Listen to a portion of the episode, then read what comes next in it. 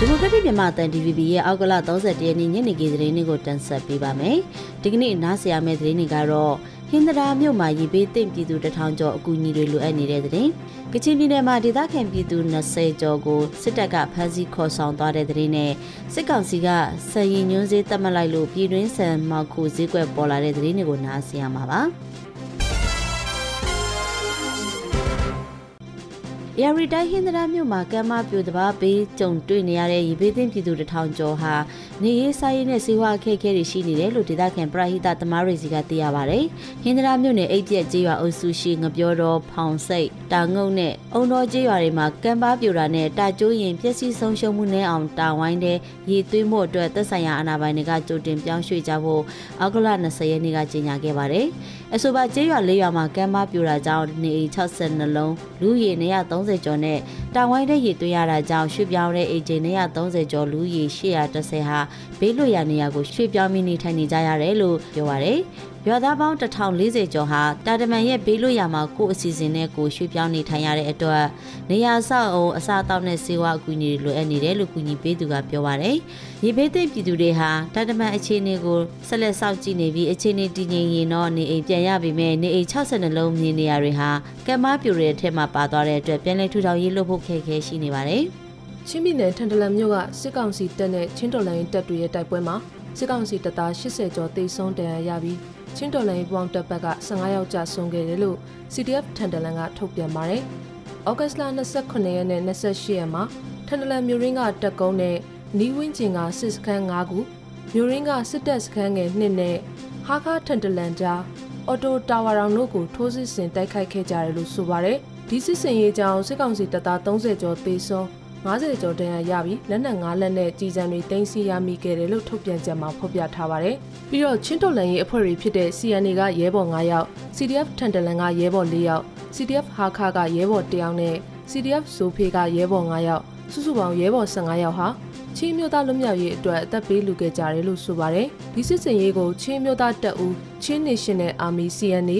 CDF ထန်တလန် CDF ဟာခါနဲ့ CDF ဆိုဖေပူးပေါင်းတပ်ဖွဲ့ကတိုက်ခိုက်ခဲ့တာလို့ဆိုပါတယ်။ ကချင်ပြည်နယ်မြစ်ကြီးနားမြို့ရှိနေအိမ်တလုံးကိုစစ်ကောင်စီကဝင်ရောက်စီးနေပြီးအမျိုးသမီးတွေပါဝင်လူငယ်ဆက်တူကိုဖမ်းဆီးသွားကြောင်းမြို့ခံတွေစီကသိရပါဗျ။အရှိလေကုန်းကျေးရွာမှာရှိတဲ့နေအိမ်တိန်ကိုအောက်တိုဘာ28ရက်နေ့ညက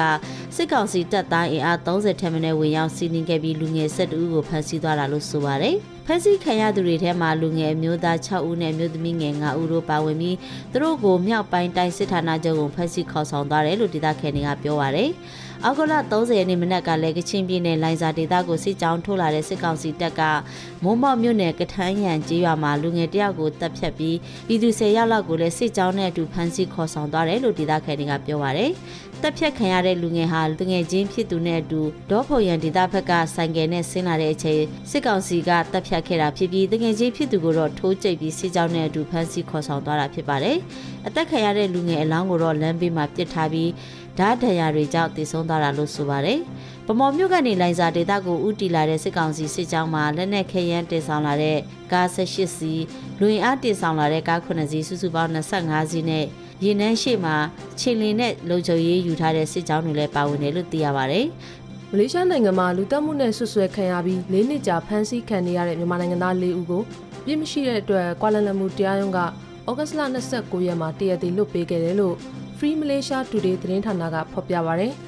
မလေးရှားနိုင်ငံဒန်ဝန်ဂီဒေသရှိကော်ဖီဆိုင်ဝန်ထမ်းကာဝန်ဆိုသူကို2019နိုဝင်ဘာလ19ရက်မှာတက်ခဲ့တယ်လို့ဆွဆွဲချက်နဲ့ အသက်30ကနေ40ကြားရှိမြန်မာနိုင်ငံသားခိုင်စာမောင်ခိုင်လင်းမောင်ထွန်းဆန်အောင်နဲ့ပါအူဒီလီယန်တို့ကိုဖမ်းဆီးထိန်သိမ်းခဲ့ပြီး၄နှစ်အကြာမှပြန်လည်လွတ်မြောက်ခဲ့တာဖြစ်ပါတယ်။တရားသူကြီးဖြစ်သူမာနီရန်ဒီက CCTV မှတ်တမ်းတွေအရအခင်းမဖြစ်ပွားခင်မှာမြန်မာနိုင်ငံသားတွေကိုလုံခြုံရေးအဆောင်တအူဖြစ်တဲ့ရာဂျန်ကနမတ်တုံနဲ့ရိုက်ခဲ့ပါတယ်။တရားလူပြသက်သေရာဂျန်ကလည်း မြန်မာနိုင်ငံသား၄ဦးဟာတက်ခဲ့လားဆိုတဲ့မေးခွန်းကိုမဖြေနိုင်ဘူး။နောက်ပြီးအခင်းဖြစ်ပွားတဲ့အချိန်ကမြန်မာနိုင်ငံသားတွေကသိစေနိုင်တဲ့လက်နက်မကင်ထားတဲ့အတွက်တရက်တည်လွတ်ပေးခဲ့တာပါလို့ပြောပါတယ်။ရာဂျန်ဟာအခင်းဖြစ်ပွားချိန်မှာသိစေနိုင်တဲ့လက်နက်ကင်ဆောင်ထားတဲ့တူရီတော်သူဖြစ်လို့သူ့ကိုဆက်လက်စစ်ဆေးသွားမယ်လို့တရားရုံးကထုတ်ပြန်ခဲ့တဲ့အကြောင်းသတင်းမှာဖော်ပြထားပါတယ်။ ဈေးကွက်အတွင်းရောင်းချရမယ့်စံစည်းနှုန်းတွေကိုစစ်ကောင်စီကရည်ညွှန်းကတ်သက်သတ်မှတ်လိုက်တာကြောင့်စံစည်းကွက်အတွင်းမောင်ခိုဈေးတွေနဲ့အယောင်းဝယ်တွေလှုပ်ပြုလုပ်လာကြပြီးသတ်မှတ်ဈေးကတစ်မျိုးဈေးကွက်အတွင်းလက်လီရောင်းဈေးကတစ်မျိုးဖြစ်နေတယ်လို့